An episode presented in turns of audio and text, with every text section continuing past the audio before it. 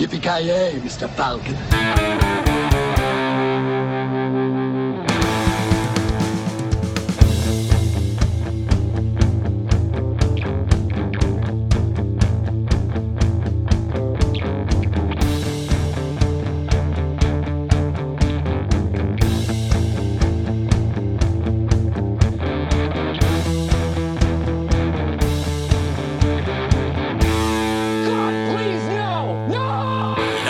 Jajamensan gott folk, hjärtligt välkomna till avsnitt nummer 81 av Creative Meltdown Podcast. Ni har med mig Kalle. Joakim Granström. Och Kent.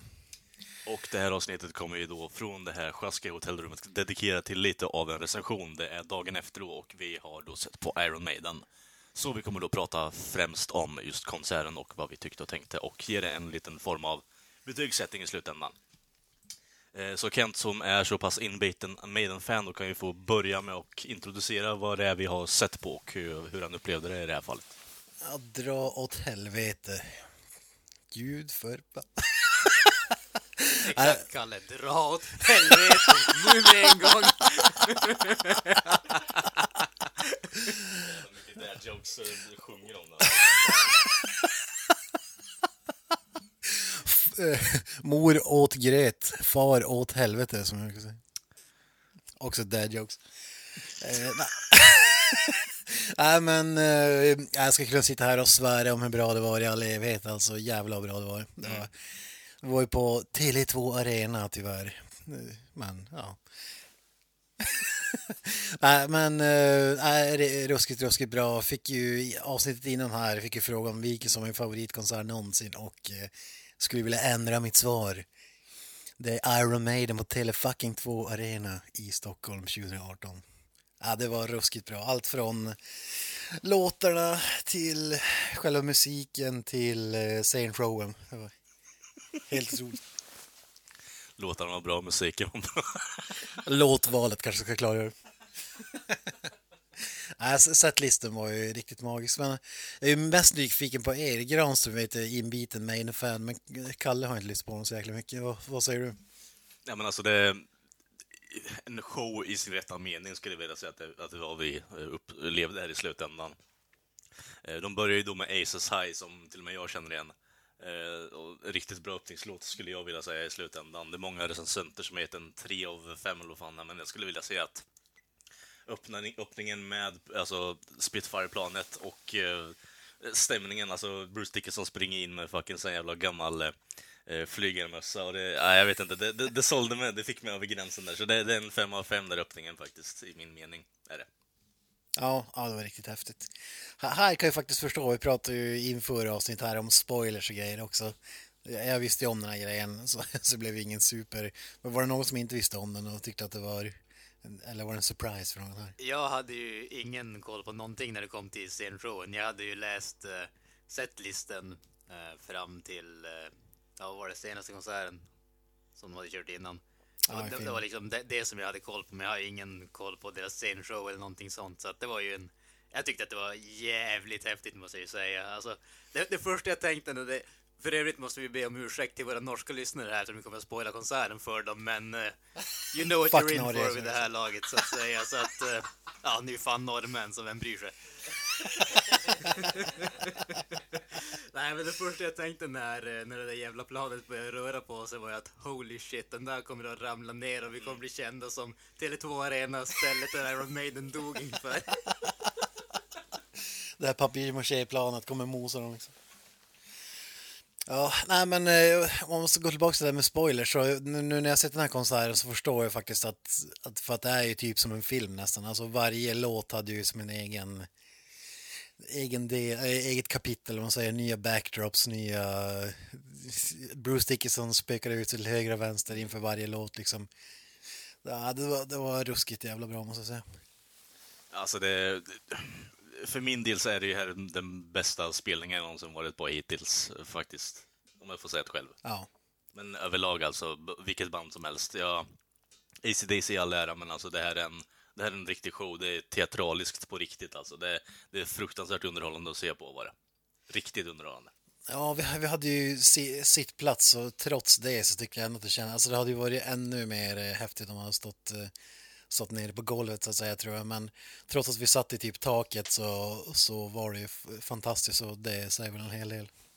Så är det ju absolut. Sen måste man ju säga att de, de har ju, som Kalle säger, de har ju verkligen lyckats göra någonting mer av det. Det här är inte bara en konsert, det här är inte bara ett par snubbar som står på scen och spelar sin musik, utan de gör verkligen ett uppträdande. Det, det är liksom, det är effekter, de har sin egen roll och de liksom, de pumpar upp allting till liksom höjden. Det handlar inte bara om att stå på, stå på scenen och spela noterna rakt av och få folk att tycka att okej, ni gör det jävligt bra, utan de gör ju verkligen allting för att man ska uppleva att det här är mer än bara musik. Det här är en upplevelse från början till slut. Ja men det är så, det, var, det är fan en religiös upplevelse att se Iron Man. ja men alltså om, om, man, om man eh, vill se en sån här konsert där musiken är den bästa i världen, eh, artisterna är de bästa i världen och eh, scenshowen är den bästa i världen så ska man ju se Iron Maiden. Alltså det är svårt att säga om man inte var Iron Maiden frälst och innan man såg den här att man inte var det efteråt. Det måste ju fan ha blivit. Alltså, eh, jag har ju fått en helt klart större respekt för dem som alltså, artister och showmän överlag. Speciellt Bruce Dickinson, för han gav fan med allting under den här spelningen. Ja, ja, han var ju helt otrolig. Sprang, han, var- fan, han, han måste ju kunna springa ett maratonlopp alltså. Ja, ja, alltså gud ja. Det, jag skulle vilja se honom och Angus Young i samma show. Det hade varit fucking imploderat i slutändan. Alltså, det hade varit helt sinnessjukt. Skulle inte förvåna mig om han vinner Stockholm Marathon här senare idag. Nej, men alltså överlag riktigt bra energi från spelningen också. Eh, Eh, nu kan inte jag sett listan i huvudet, men det kan ju ni två säkert. Ehm, men eh, jag tycker att de, de, eh, de bygger bara upp det hela jävla tiden också. Det, det finns ingen så här, det, det finns någon ställe där eh, låten går på med 12 minuter som jag tyckte att okej, nu har vi platåat lite, men sen så fångar de upp en i slutet och bara dängar till den och drar faktiskt hem det på slutet också i, eh, ja, i, mot slutet av spelningen där. Eh, Med, fan är det typ tre eller fyra encore-låtar i slutändan också. Ja, fyra stycken extra nummer var det väl. Eller extra nummer, alla visste att det skulle... Det är det som är med extra nummer idag, som ingår i setlisten. Alltså, det, det var ju som ingen som var så här det, det var chockad. liksom konserten slutade typ 22.55 och liksom har utsatt tid klockan 11. Nej fan, de, de, de, liksom, de, går, de går av scenen vid halv, det kommer inget mer. Liksom okej. Surprise spoiled ungefär. Nej, det, det är som du säger, det är liksom att du får extra nummer, det, det hör till liksom upplägget. Men sen det jag måste säga var eh, otroligt trevligt ändå, det var ju faktiskt ljudkvaliteten. För att vara en så stor arena så var ju ljudkvaliteten där vi ändå satt ute på sidan väldigt, väldigt bra. För det kan ju annars vara extremt varierande beroende på var som är nu. Givetvis, vi har inte så jättemycket att jämföra med, men alltså det var ju liksom sången hördes ju hur tydligt som helst. Man hörde instrumenten, man hörde allting och det var liksom man kände aldrig att det bara blev ett muller av en massa ljud, utan det fanns ändå distinktioner mellan allting och det gjorde att liksom när det är en sån här lång konsert så det blir inte tröttsamt att lyssna på. Är det bara liksom taskigt mixat och allting flyter ihop, då blir det liksom bara huvudvärk efter ett tag. Så att där måste man ju ge en eloge till soundkillarna också, de gjorde ett riktigt bra jobb. Ja, absolut. Det var ju, det var ju, var ju aldrig någonstans där det dippade så här i pu- Publiken var ju med också he, hela vägen kändes det som. Och, jag vet inte hur mycket man kan berömma en, en spelning. Men, eh, ja, det var ju helt, helt otroligt måste jag säga. Jag har svårt att se att det här kommer toppas liksom vad man än skulle gå och se. eh, om det inte vore med i en konsert alltså. Nej men alltså det här är, som jag säger innan, det, det är så pass teatraliskt som det kan bli. Det är många som har sagt att den här eh, spelningen inte har något form av tema överhuvudtaget. Eh, sen får man ju veta på, ni har ju säkert koll på, haft koll på det innan, men eh, det här är ju då en, eh, ja, en spelning eller turné då som eh, dedikeras lite till eh, tidsresande. Och så är det mycket gamla hits här ju. Men de har ju då gjort ett mobilspel som de promotar också, om jag förstod helt rätt också. Ja, det var ju lite så så. Based on a video game eller vad de säger. Ja, precis. mobilspel liksom. ja, nej men... eh, ja, nej, som- Somewhere in Time har vi hört talas om tidigare så att säga. Men det är ju lite så också fast med, med twisten då att det är dessutom promotion för det här jäkla spelet. Jo, jo, precis. Men jag tycker ändå att om man nu ska göra det så är det så här man ska göra det i slutändan också. För det handlar ju mer eller mindre en tidsresa om deras kar- karriär, vilket de faktiskt gör. Eh, och det är ju så mycket alltså stageplay överlag och jag tycker de räddar upp det jävligt mycket, även om det är baserat på ett videosp- alltså tv-spel i slutändan.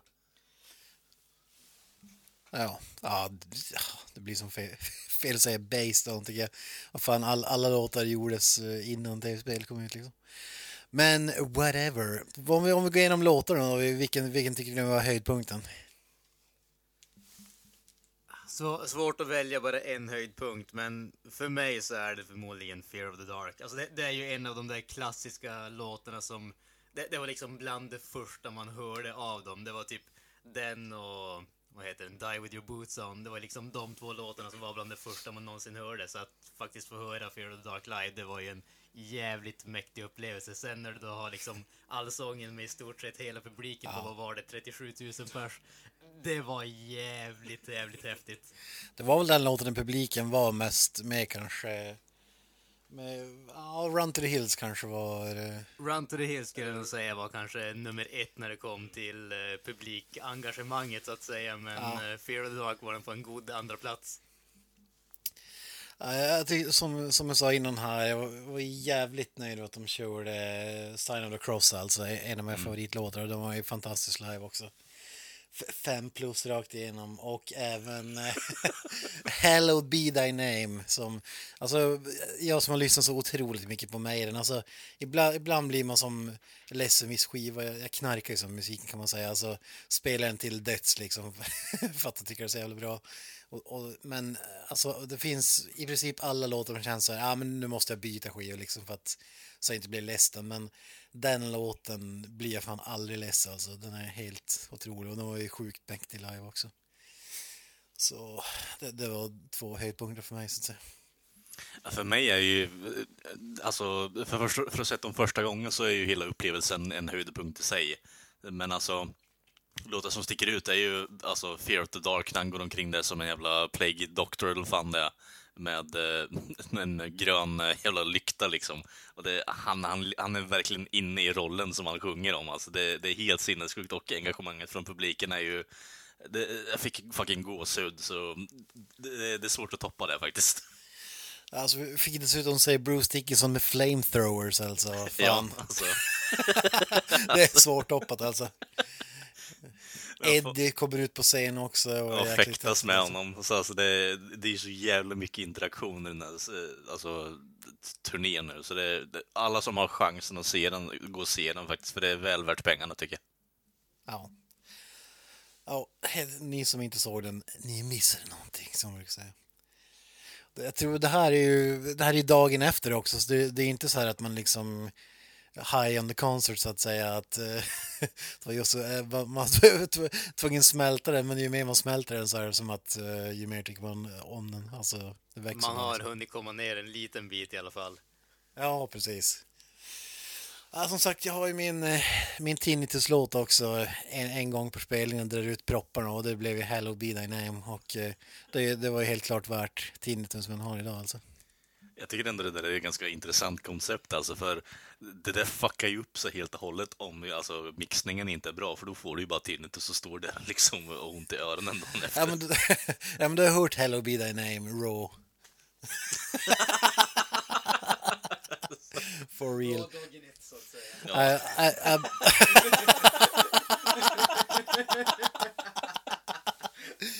Sa en, enda gång jag ångrat eh, att jag körde en sån här tinnitus-låt, det var jag brukar, min favoritlåt med ett band brukar alltid plugga, plugga ur pluggarna så att säga. Och det var ju Motörhead med Killed by Death alltså, det var, det var insane. Alltså, det, folk som inte vet det, men eh, Motorhead är bland det högsta band, eller var det bland det högsta bandet du kan lyssna på live, eller ja, i livesammanhang överlag i, i världen. De har världsrekord för det också. Jag tror det är typ 150 eller 145 decibel, eller fan det är de kommer upp i.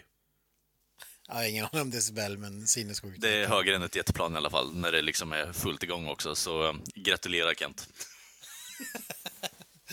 Ja, men det, det var fan värt det alltså. Det kan jag rekommendera lyssnarna. Kör en tinnitus-låt per, eh, per konsert alltså. Det, det är någonting och det kommer minnas den, oavsett om det är bra eller inte, så kommer tinnitus att ligga kvar.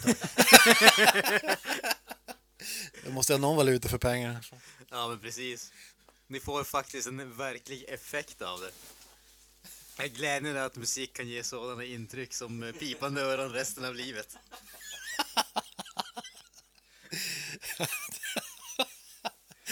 Ja, det är som att Hello Be Thy Name spelas repeat resten av livet i huvudet. Liksom. Fan vad magiskt. Ja, ja, men om man då ska vända på smeten lite grann från en helt sjukt bra overall så att säga. Var det någonting som ni kände inte klickade på samma sätt som ni trodde eller förväntade eller hoppas så att säga? Ja, en av mina favoritlåtar från första skivan, Iron Maiden, Iron Maiden, tyckte jag inte lyfte riktigt. Det var sista eh, låten innan extranumren om jag minns rätt. Jag vet inte vad som, eh, det kändes som att, ja, alltså git gitarrspelet var inte riktigt hundra där skulle jag säga. Det var någonting som, som saknades, det blev inte lika, eh, om man tänker hur publiken reagerar på låtarna innan och efteråt så kändes det också som att det planade ut lite där. Och det är ju synd för att det är, det är ju en riktigt bra låt och eh, sista, sista numret, eller ordinarie numret vill man ändå ska vara liksom magiskt. Men där, det måste jag faktiskt säga. Sen var det ju någon låt där i... Eh, ja, nu kommer jag inte ihåg vilken det var, men det var, det var ju någon låt som var lite så här eh, fjärde, femte kanske. Eh, som kanske inte var så riktigt hundra, men ja, det, det är detaljer liksom. Alltså, det, är, det är inte så att de var dåliga, men det var inte bara att de var inte lika eh, fullt ut magisk som eh, övriga låtarna, så att säga. Eller vad säger ni? Nej, men alltså det, på något sätt så finns det ändå en genomgående trend i den här konserten överlag. Och det är att ljudet är bra, framförandet är bra, showmanskapet är jävligt bra. Det enda som jag kan tycka är väl mer i så fall eh, något låtval här och där som jag tycker drar ner lite på stämningen. Att man, det blir den här platåningen, att man fastnar liksom på en 12 minuters låt eller en 8 minuters låt. Nu är det så här, det är ett band som har de typerna av låtarna i sin repertoar, så det, det är lite svårt att undgå, men jag tycker att det drar ifrån lite från atmosfären och jag märker ändå att publiken också på något sätt, det, det drar ner lite stämningen när det går över, säg en 8 eller typ 10 minuter. Ja, jag ska bara nämna att det var Revelations var låten som, eh, som inte riktigt höll, höll för mig. Okej, okay, ja. Ja. men eh, en annan intressant, eh, om, om vi släpper själva konserten lite grann, det är lite, fast lite andra grejer som vi stötte på på vägens gång. På vägen in mot arenan ser vi en snubbe som har den mest magiska tröjan man kan ha på en Maiden-konsert alltså. Blaze Bailey t-shirt. Givetvis tryck bak och fram. ja, vad säger du om det här vågade draget liksom? Alltså, jag, jag vill ju påstå att uh, den mannen, han visste vad han ville ha och trots att han uh, inte, så att han visste att han inte skulle få det så vägrar han förneka sig själv. Alltså det, det, är liksom, det, det, där är en man som försöker bända världen till sin vilja.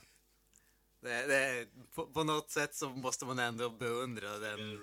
Ja, you gotta respect it. Den ståndfastheten alltså.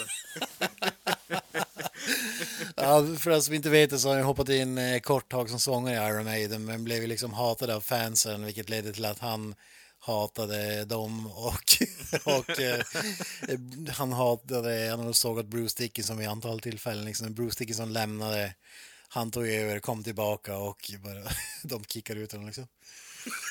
Så, så, det finns ju lång och, och det är fortfarande liksom så att han blir så här häcklad på sina konserter liksom. Folk skriker grejer om Maiden och ja. Ja, men man, man, kan väl, jag vet inte om man ska se det som en hyllning till Blaze Bailey eller om snubben var självmordsbenägen. Det är ju något av dem liksom. Ja, det beror lite på hur man tycker och tänker liksom. Man går ju inte dit bara för att hålla på och jävlas med folk om man inte nu känner för att slänga ut ett x antal hundra kronor liksom bara för att kunna göra det. Fast sen kan jag se det som dedikation i slutändan också. Då är man ju dedikerad till sitt trollande om man vill komma till den nivån. ja, men det, det sa ju det innan, det är lite som att gå på en Megadeth-konsert med Metallica-tröja. Lite så är det ju faktiskt. Han försöker starta en liksom en våg av influens här. Han försöker få tillbaka Blaze Bailey, det är det som är tanken. På samma sätt som alla vill ha tillbaka Dave Mustaine i Metallica. För det är väl det alla vill, eller hur? Nej. vad, vad jag däremot inte såg var någon med Paul Diano-tröja, men det kanske...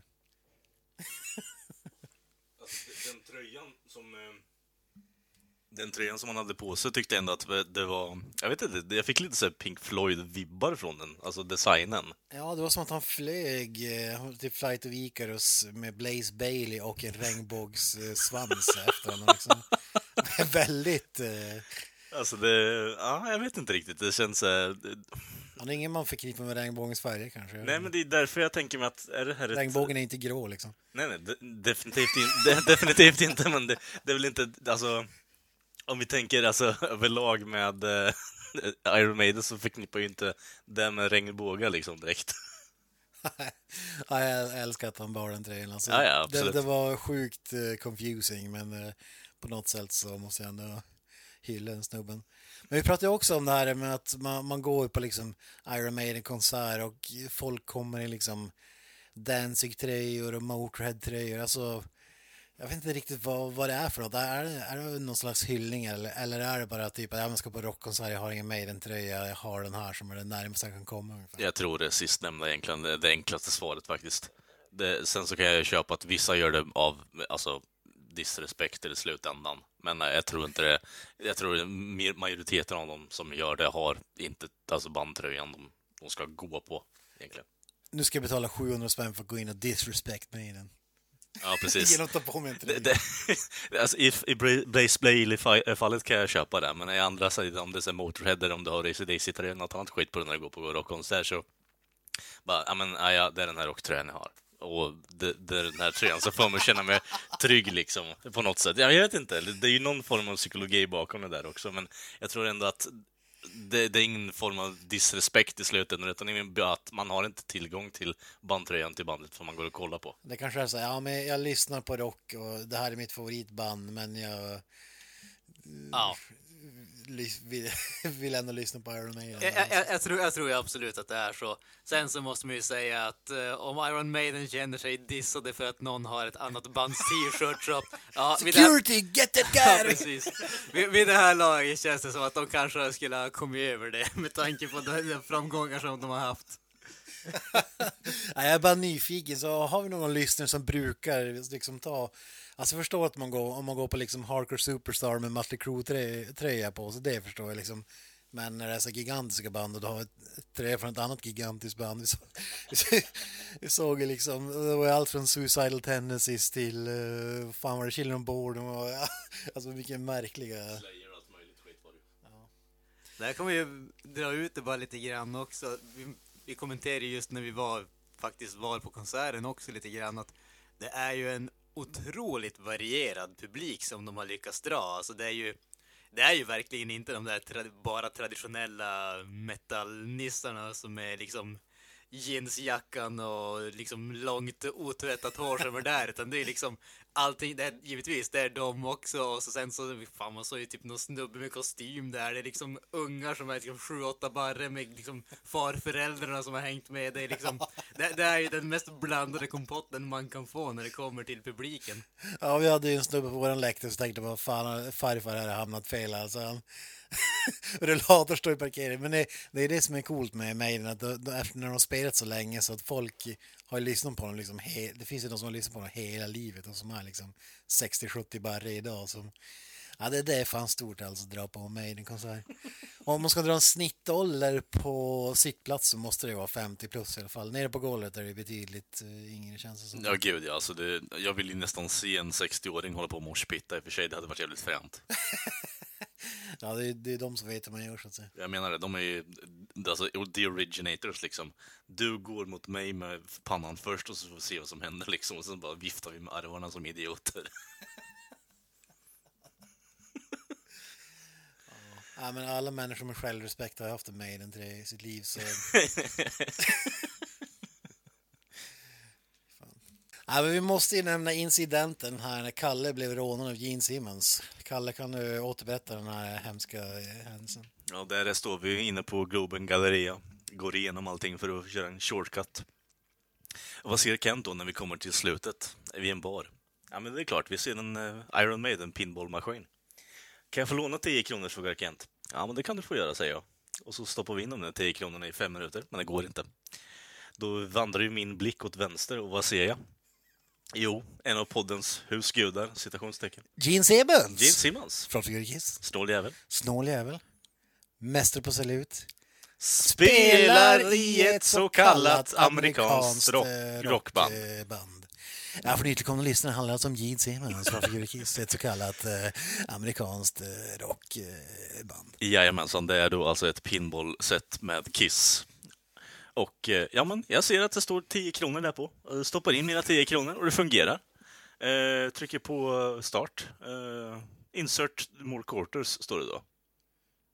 Och hjärtat, Zero credits. och hjärtat krossas ju. Det står tre av, två av fem instoppade. Så eh, den här snåla jäveln vill alltså att man lägger in 25 spänn för att kunna spela pinballmaskin när det står 10 kronor. Trots att det står 10 kronor. Ja. Och vi ska lägga till att då är det inga life savings också. Ja. Den där Piggelinen liksom, den går åt helvete nu. Ja, men det sensmoralen här är att Bruce Dickinson ger tillbaka pengarna. Det gör inte Gene Simmons. Vart är beviset? Ja, det stod alltså att creditsen räknas. Det, det hade jag inte koll på faktiskt. Jag tror att de bara svalde dem. Nej, alltså det stod ju... Alltså ra- rakt ut stod det två av fem alltså coins inserted, eller vad fan det stod. Och det är så... Vad fan betyder det ens liksom när det står 10 kronor? Kan jag få spela mitt jävla skitiga Kiss Pinball-spel? Nej, men det är intressant att den här jävla mytosen och eh, girigheten kring Gene Simmons ändå har någon... Nu har vi ändå det på svart och vitt liksom, kan vi ju säga. Eller? Ja, du har ju bokstavligt talat blivit robbad Ja, jag, jag, jag är ett av de där offren nu. Jag kan ju snacka skit hur mycket jag vill egentligen nu, eller? Det blir inte mer svart på vitt än så. Nej, faktiskt inte. Alltså det, det är lite fascinerande också att... Du är ett offer kan man säga. Ja, ja absolut. 10 kronor, det, det är mycket för folk i den tredje världen liksom. Alltså, jag tycker, han är ju Gröna... Han, är, Jag som håller på att dö nu. han, han, ska, han, ska, ju lira på Gröna Lund senare idag. Jag, tyck, jag tycker fan du drar en polisanmälan. Alltså.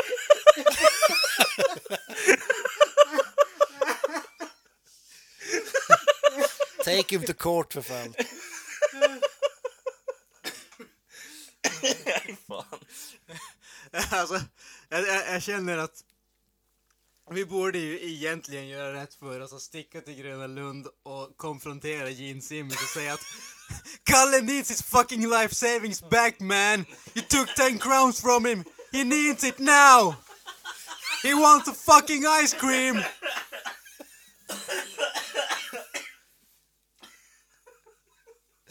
Åh, fan, se dig gå upp och vittna mot Gene Simmons alltså. Ja, herregud. I din finaste bandtröja. Ja, fy fan. Robbed av Gene Simmons mitt på blanka dagen var det inte, men uh, kväll. No, han är i samma stad också. Det, det blir inte mycket jobbigare än så faktiskt. Ja, det är ju ingen slump. Jag får gå i terapi efter det. Ja, men medan du skriver polisanmälan eh, kanske kan gå vidare. Absolut. Ska vi snacka lite om Killswitch Engage då, förbandet lite eller? Jag tyckte ändå det fanns någon in, kul interaktion mot slutet på deras... eh, Ja, du satt ju och rensade skräpposten under den spelningen. Kändes inte som att du var särskilt imponerad. Nej, alltså, jag vet inte riktigt. Det, det kanske inte var rätt band till att öppna för mig. Den, det kändes inte som att det var på samma nivå där. För det var, i slutändan så tyckte jag ändå att det bara var typ två eller tre låtar som var bra från dem. Tillåt mig att tillägga det obvious, det finns inget band som är på samma nivå som Maiden. Men fortsätt. Nej, men alltså, jag tycker det är så, på något sätt så blir det ju bara mixningen överlag, alltså på deras sätt var ju värdelös i slutändan tyckte jag i alla fall. Men eh, ni två har ju sagt att det är ungefär likadant som det är på studioalbumen, vilket gör mig ifrågasätta varför är det här bandet populärt i slutändan då? då? För, för alltså om det är mixat på det här sättet så förstår jag inte ens varför man har lyssnat överhuvudtaget, för det, du hör bara trummorna i stort sett. Ja, alltså, ja, ja, de, de är ju, eh, låter ju högt, men jag skulle inte säga att det är det enda du hör. Det håller jag inte med. Nej men alltså det, allt, det blir som en jävla grinig jävla ljudmassa liksom Så det ifrågasätter en hel fanbase att det är mixning på eh, förbandskonsert. Ja. Inte vad- Okej. Jesus Christ. Granström, du som är största killswitch. Eh, Jag, jag, jag, jag är väl poddens eh, motsvarighet till vad Kent är från Iron Maiden när det kommer till Killswitch Engage, antar jag. Förmodligen den enda med Kill Switch Engage-tröja på i år. Hade faktiskt på mig en Kill Switch Engage-tröja under min skjorta för det var ju kallt och jävligt och allting. Du kör inte som Blaze Bailey-killen, bara full front eller? Nej, precis. Ingen full frontal attack. Nej, men alltså... Jag håller väl med till viss del. Jag tyckte inte att deras ljudmixning var den allra, allra bästa på något sätt. Men däremot så, jag tycker att eh, deras eh, framförande var riktigt bra. Jag tyckte de hade en härlig energi. Låtvalet tyckte jag också var riktigt, riktigt bra. De körde några, jag tror det var liksom tre nyare låtar från eh, senaste skivan, men resten var mer eller mindre en greatest hits från eh, de första två skivorna, Live or Just Breathing och The End of Heartache. Så jag tyckte att det var i stort sett en klockren spelning för min del, för det var liksom alla de där låtarna som jag kommer ihåg, nu är de, de har ganska länge på nacken vid det här laget, de kom ju liksom början av 2000-talet, men det är de låtarna som fick mig att börja lyssna på bandet, så att liksom egentligen höra de två bästa skivorna som bandet har släppts och liksom höra de bästa låtarna från de skivorna, det var en jävligt kul upplevelse för min del. Sen, som sagt, det finns absolut en liksom, en, vad ska man säga, en åsikt eller vad man ska kalla det, att liksom det kanske inte är rätt band att öppna för Maiden. Jag håller inte riktigt med, kanske delvis för att jag är ett stort fan av bandet, men sen tycker jag heller också att det, liksom, ska man ha ett öppningsband så finns det ingen mening att ha ett band som låter likadant som huvudakten. Då blir det liksom bara kaka på kaka om man säger så. det är liksom, du, du, du, du vill ha en uppvärmning som är liksom bra musik som får upp energin, men du vill inte att det ska låta samma som huvudbandet, för då blir det bara mer av samma och då, liksom, då har man shot your wad så att säga. Däremot kan jag väl tycka att deras musik kanske inte är den här stora arenarocken på samma ställe. Jag hade betydligt hellre sett dem liksom i en mindre klubb med liksom 1500 pers och liksom det var packat, om man säger så. Det, det är ju alltid en alltså, hade gjort eh, musiken rättvisa i slutändan också faktiskt. För det, det känns som att deras musik är väl, det kändes som att det var väldigt kompakt liksom på det här sättet att du behöver vara mer inne på det och då passar det bättre som en, någon form av instängd eh, utrymme i slutändan att du lyssnar på det där. Men eh, Ja, vad fan vet jag, jag har inte lyssnat på bandet innan, men de hade några riktigt bra låtar faktiskt. Eh, tydligen en av dem var ju från nya skivan också. Så det, Ja, de körde ju några stycken från de senaste. Det var ju, de öppnade ju med eh, Strength of the Mind och sen hade de Hate by Design också. Eh, Så att det är två, stycken, två stycken som jag tycker är eh, riktigt, riktigt bra också. Kent, vad tyckte du? Du, är, du har väl varit den som kanske låg lite grann mitt emellan, så att säga. Ja, jag har ju inte hört så jättemånga låtar. Jag har kanske hört fyra låtar och alla de, alla de låtarna var ju sist på den här spelningen. Typ The End of Heartache eller vad det heter. Det. Typ den första låten när den spelades som man har hört. Men jag, tycker ändå det var helt okej. Det var, alltså det blev ju som eh, att det är fel band och så vidare. Men jag tycker ändå det blev som en kickstart liksom. Musiken den går ju jävlat på eh, vad ska man kalla det, growl, eh, growl element i, i låtarna och sådär. Alltså, som ja, ganska hard. eh, growl, growl scream, eh, fucking melodic typ. Jag vet inte. Det är en jävla blandning här i alla fall, det får jag inte säga. Ja, ja men jag, jag tyckte det var en bra, bra början i alla fall. Alltså, det var inte så mycket publik som hade letat sig in där. Det var, det var kanske lite synd, så det blev inte sån. Men eh, det, det var ju först när... Eh, visst heter den End of My Heartache, den låten? Eller? The End of Heartache. The End of Heartache. Den tyckte jag var riktigt jävla bra. Det var en låt innan också som jag inte kommer ihåg vad det hette nu som Granström som jag tyckte var bra innan som jag inte hade hört. Jag, jag tror att det var Rose of Sharon, men... eh, Ja, ja, det, det känner jag igen. Och sen eh, givetvis, men det är ju som att det, det, den låt som publiken liksom tänder till på mest är ju en cover då på Dios Holy Diver. det, det är ju lite så här, ja. Fantastiskt bra cover, men det, Ja. det är ju alltid det där, ja. Ska, ska man liksom få den största responsen på när en cover på någonting som någon annan har gjort, det, det känns ju lite sådär, ah. Men det är ändå, han, han har ju haft en extremt stor influens i metalvärlden, så att liksom, att eh, hedra han med en cover, det är ändå en cool grej tycker jag. Ja. Och de gör den jävligt bra. Du sa ju någonting om att de hade bytt sångare, hur, var- hur var det nu? Originalsångaren var tillbaka, eller hur? Ja, precis. De, de har ju haft uh, Jesse Leach som då spelade med på första skivan, Alive or Just Breathing, och ja, även deras självbetitlade som var typ inte en wide release som skallade. Han eh, slutade ju och sen så tog de in eh, Howard Jones som spelade in tre skivor med dem, tror jag att det var. Och så sen så slutade han och då kom Jesse Leach tillbaka. Eh, och jag måste säga att jag tycker ändå att han gjorde en eh, riktigt, riktigt bra eh, performance, om man säger så, igår kväll. Jag tycker det, det märks mot slutet av konserten att hans röst håller inte riktigt eh, hela vägen, men jag tyckte ändå han gjorde en, en riktigt bra show. Sen tycker jag väl allmänt från just skivorna, som sagt jag har inte sett dem tidigare live, men från skivorna tycker jag väl alltid att eh, Howard har varit den som har gjort den bästa haft den bästa sångrösten helt enkelt. Men jag måste ändå säga att jag varit imponerad av Jesse Leach när han spelade live. Han, han gjorde det riktigt bra. Han höll en riktigt hög klass tycker jag. Ja, jag hade ju inte hört den här sången innan, men jag, skulle, jag tycker nästan om den här snubben mer, och då var det ändå live, än, än vad han... Eh, alltså det är som att den andra snubben är lite Riks FM-aktig eh, alltså i sin sång. Här, här var det lite mer, vad ska man säga, raw, eller vad man ska kalla det. Men däremot snubben som growlar alltså, han kommer ju aldrig kunna hålla hela den här turnén, alltså resten. Alltså han hade ett jävligt cringe-igt eh, mellansnack där också. Gud ja, gud ja. Man hör liksom rösten bara... Jag kunde typ inte prata. I want to dedicate this next song to beer. Fuck! The great essence of beer. Fuck! Jag tror inte jag har skrattat så mycket innan ett försnack alltså, men eh, ja, jag vet inte. Han, nej, han, han håller ju inte nu för fan. Jag vet inte hur länge han har turnerat med dem. Har du koll på det Granström?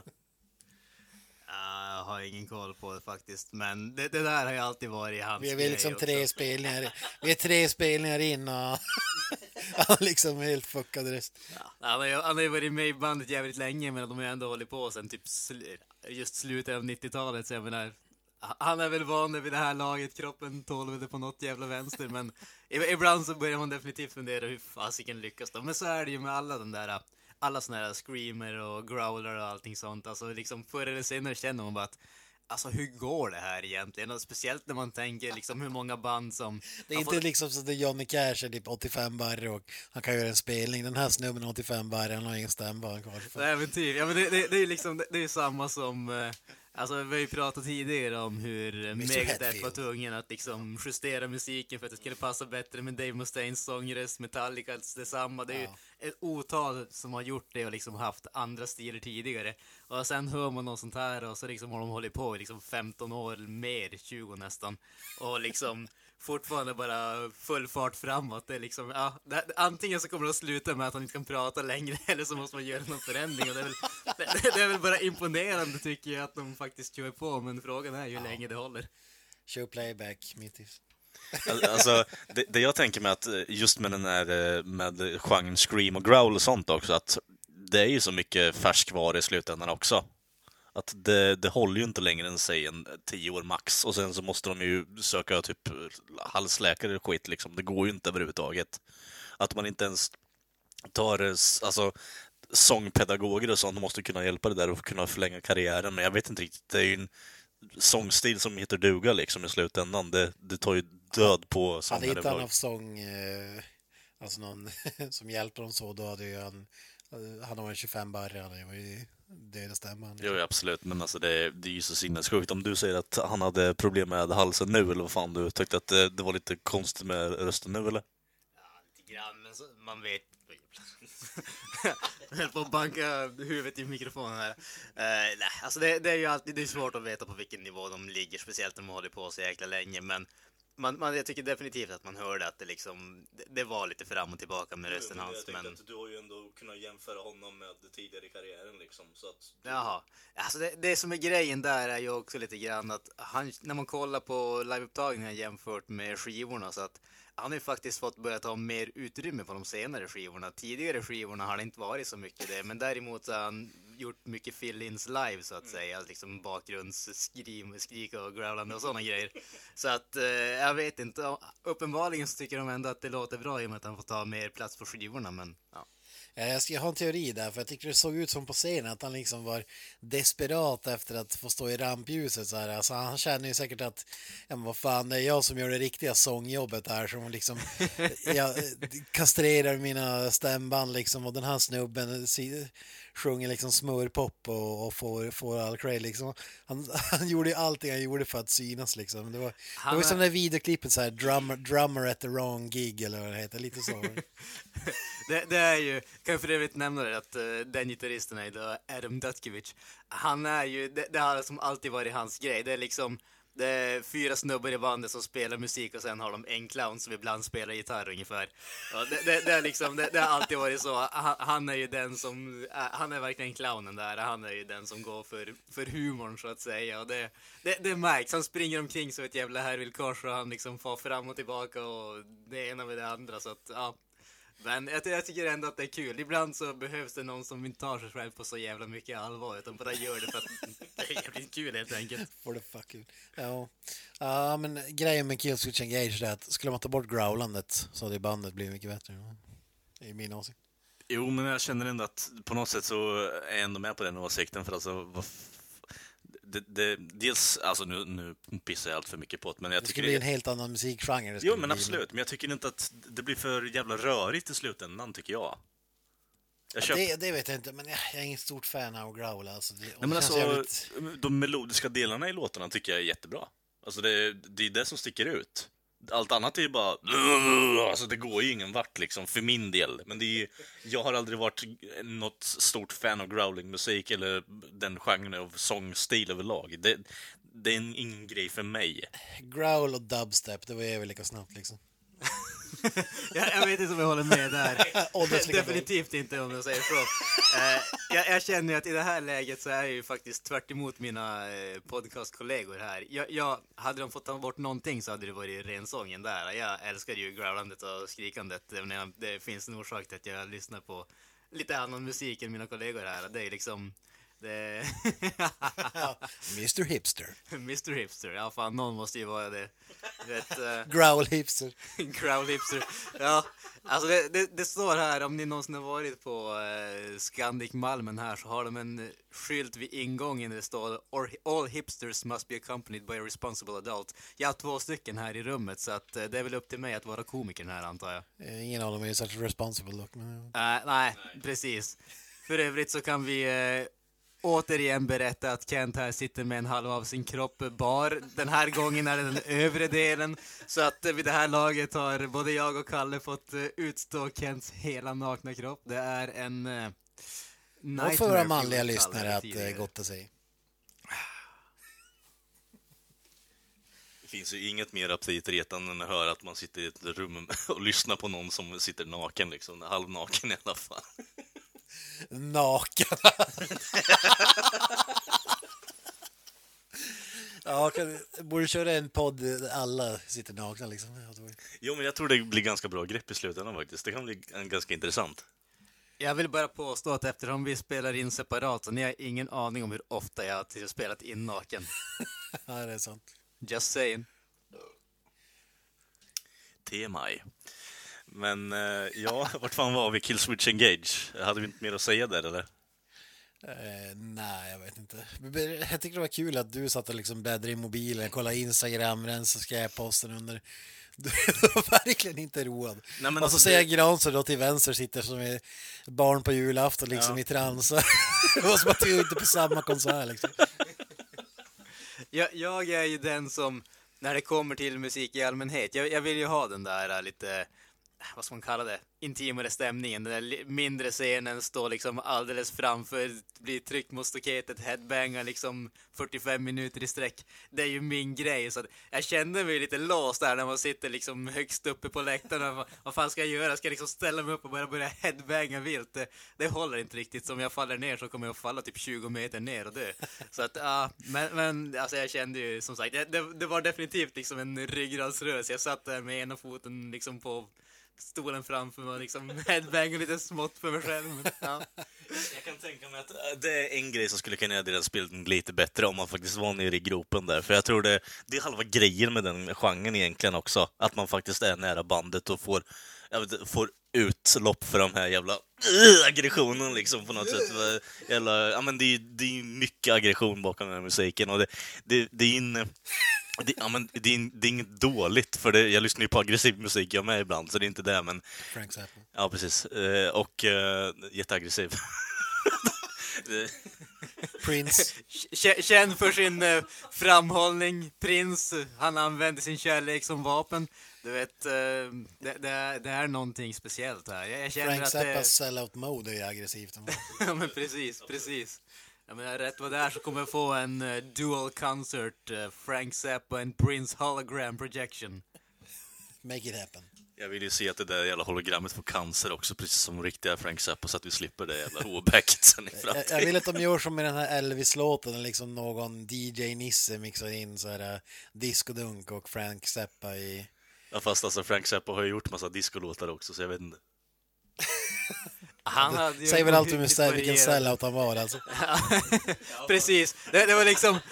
Det, det, det, det, ständiga sökandet efter framgång ledde Frank Zappa längs eh, vägar som alla andra redan hade, hade skapat så att säga. Han skapade ingenting nytt, han gick bara runt på alla andras vägar och han lyckades gå igenom typ hela världen på det sättet. Han var en blek kopia av Alcazar. det känns som att eh, det, det finns en viss sorg i att Frank Zappa dog innan dubstep.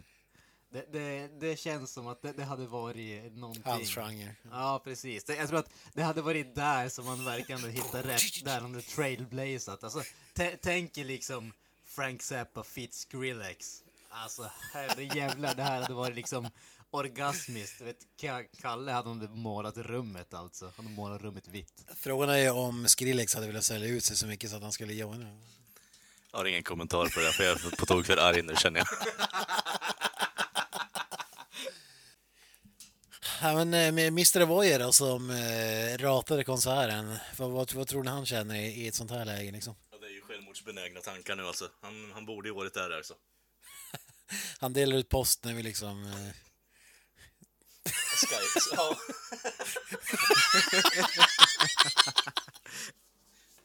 På, på tal om eh, självmordstankar så Kent sa ju innan konserten alltså här att Spelar de uh, South of the Cross då kommer jag att liksom, ja då kommer jag fan gå tillbaka och ta livet av mig för då har man uppnått det bästa som kan uppnås. Då, liksom, då finns det ingen mening att leva längre och han är ju uppenbarligen här fortfarande så jag, jag säger ja, jag, jag, jag vet inte om man ska ta hans fandom på riktigt när han bryter sina löften på det sättet. ja, men dygnet är ju inte slut än. Fan. Det, det jag inte förstår dock i så fall är varför han skulle gå tillbaka Nej, jag vill bara, innan vi går vidare vill jag säga Ja, att ja. låten heter Sign of the Cross, inte South of the Cross. Blasphemy. Låter som en jävla Slayer-låt. Ja, ja. Spelar roll. Run of the Hills var ändå bättre. Ja, vi satt och kikade. Var det Aftonbladet eller Expressens magiska eh, tv-intervjuer? Vilka, vilka är dina favoritlåtar?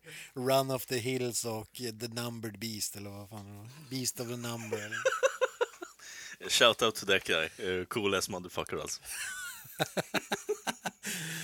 Och eh, personen i fråga bar en Frank Zappa-tröja, jag vet inte. Ja. Kalle in disguise. Eh, I och för sig, det skulle väl typ reflektera min kunskap kring Maiden också i och för sig, så jag vet inte, jag kan, jag kan, köpa, jag kan bjuda på den. Ja, men eh, Mr. Avoya, live on cam.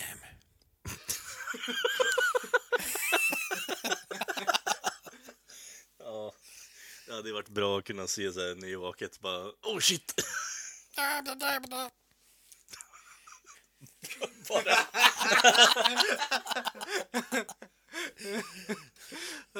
Fantastisk imitation där av eh, Mr. Avoya Voya. Live från Bolivia.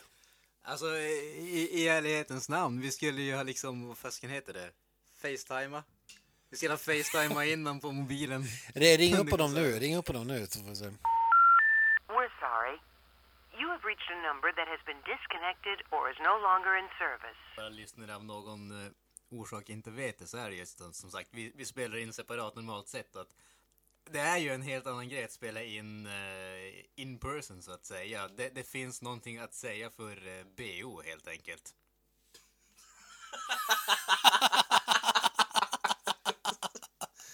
Ja, fan. Ja, uh, blame it on Kalle så att säga. Ja, kommer från mannen som sitter halvnaken i sängen och äter, dricker en halv liter skåla, liksom, en och en halv liter skåla. Så jag vet inte riktigt. Från mannen som har druckit en liter cola under. Ja, ja, absolut. Utspritt på ett tag i och för sig, så jag vet inte. Å andra sidan så snubben sitter faktiskt här och dricker Dr. Dr. Pepper så att eh, jag vet inte, vill man dricka flytande mandelmassa så ja, då är det väl ens grej men smakar fucking awful alltså. Det är ju, Det är ett bra knep för då får man ju liksom behålla sin egen cola också i slutändan. Så. ja precis, man får behålla den för att det smakar så vidrigt så ingen annan vill ha den. Ja, precis. Det är tur att det finns en del av populationen som ändå tycker om det. Då. Jag han, var, han var tvungen att kolla i spegeln som står alldeles bredvid honom för att han skulle få medhåll.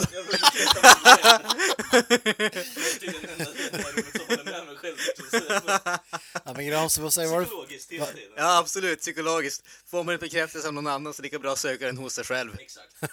Ja, men Granström, vad är det för bild av människor som dricker Dr. Pepper liksom? Vad, vad är det för typ av eh, människor? Ja, alltså för det första så är de ju jävligt tunnhåriga. Det är bara dags att börja dricka då. Jag vet inte. Ah, fan. Ja, ja, ja, pro problemet här känner jag att det är Kalle, han dricker det i Är det förhoppningen Bums att... eh, Basement-vibbar? eh?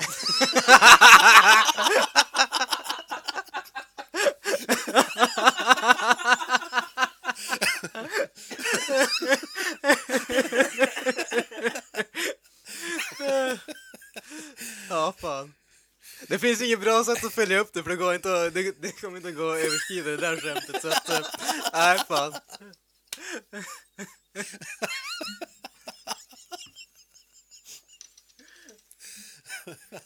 Ja, den här diskussionen är helt klart derailat om jag får säga det själv liksom. Ja, men det är de som är de bästa så att säga. Jo, så är det ju. Absolut. Nej, men... ehm, Vi får väl köra ett separat hyllningsavsnitt i Maiden lite senare. Alltså, jag vill ju se hur fan du planerar upp det i så fall, för det, jag vet inte riktigt. Det, Eh, Vi måste ju nämna Anton Maiden eh, här ett slag. Slå ett slag för honom. Vad säger du Granström? Magisk artist? Vi borde slå ett slag i hans ansikte. Nej, blasphemy.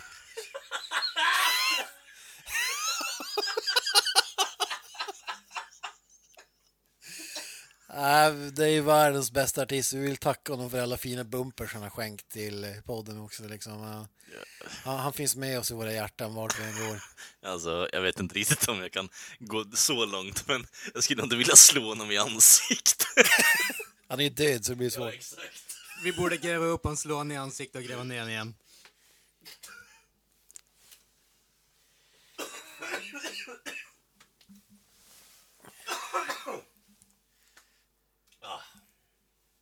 Ja.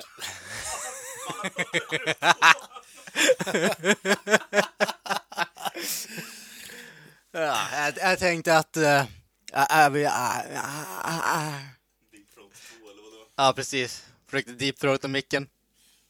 Gick inte så bra. Kalle var här, såg på, jag blev nervös, jag hade gjort det annars. Ja, men vad säger ni grabbar? Ska vi ta och knyta ihop den här uh, Iron Maiden-säcken? Nästa gång det blir en Iron Maiden special så misstänker jag att Kent kommer tvinga oss att uh, recensera alla deras skivor i kronologisk ordning. Så kan det bli, så kan det bli. Jag tycker vi har ett avsnitt för Diana och ett för Bailey och ett för Dickinson. Det blir lagom. Tre timmar vardera. Fan, det är liksom... Jag tror inte det räcker, fan. Framförallt Blaze Bailey. det, det, det kommer att bli podcastens motsvarighet till eh, Sagan om ringen-trilogin. Det kommer att vara liksom originalavsnitten kommer att släppas vara typ tre timmar styck och sen kommer att släppa Directors Cut som är typ fyra och en halv timme styck. Ja, det blir Lord of the Rings eh, extended version eh, stuk på det hela. Så att säga. Grejen med det avsnittet är att det kommer inte bli klippt överhuvudtaget. Du kommer bara lägga upp det som det är i så fall. DJ Nilsson kommer lira med i den låten på löpande Ja, band. precis. Under pistolhot då, eller vadå? Vi kan utlova Anton den också. Mycket, framförallt mycket Anton. Ja, Alltså det, jag vet inte riktigt. Det, det, det känns som att den du har planerat kommer ju bli längre än ett vanligt avsnitt som vi brukar ha. Eller? Ja, men det är Maiden. Jag, jag tror it's fair to say att de förtjänar mer än, än vad som eh, vi kan erbjuda. Men alltså, jag vet inte riktigt. Det blir, inte så här, det, det blir svårt att hålla ett underhållande flytande i flera timmar, eller? Ja, det skulle vara mer underhållande än någonting vi har snackat om i poddens historia i alla fall. Ja, det tror jag verkligen inte faktiskt. Jag tror lyssnarna skriver under på det här också. ja, alltså, ja, absolut. Det, det ser jag inte emot. Jag misstänker ju att vi kommer aldrig överträffa vårat uh, Solo och Star Wars Story-snack alltså. Det var liksom en, en timme med guld rakt igenom. Ja, man- blir fan tårögd när man lyssnar på den nu i efterhand alltså. Det, det var Magisk en, en timme golden shower där alltså. Nej men vad tror ni? Nu har vi kört en rockpodd här i två avsnitt. Är, är det här en ny, eh, ny vändning eh, vi tar eller? att vi... Att varje vecka åker vi upp och kör live-spelning liksom och lägger ut tid på att... alltså om någon betalar så åker vi gärna och eh, tourar runt och eh, bjuder på hotellrecensioner av eh, Typ, hårdrocksspelning. precis lika så här, givande som vi har gjort de här inför varje inspelning och intro, liksom ett sjaskigt hotellrum med dålig fondvägg med, eh, jag vet inte, graffiti. Swisha till Trondheimresan. Fy fan. Ja. Nej, men... Eh, ja, jag hade inte mycket mer att tillägga här egentligen. Det är väl om ni andra hade någonting att säga. Äh, som sagt, Bruce Dickinson med Flamethrowers live. Mm. Alltså det, det blir fan inte större än så alltså. Nej, nej. Måste säga att... eh, ja, han, han eh, växte som, mig, eh, som showman för mig den här gången i alla fall. Så det, det är väl allt jag har att tillägga där, men det, det har vi redan sagt. Så. Granström? Hail Satan! Up the irons. Då syns vi nästa vecka. Adios! Up the irons. That's it, man. Game over, man. It's game over.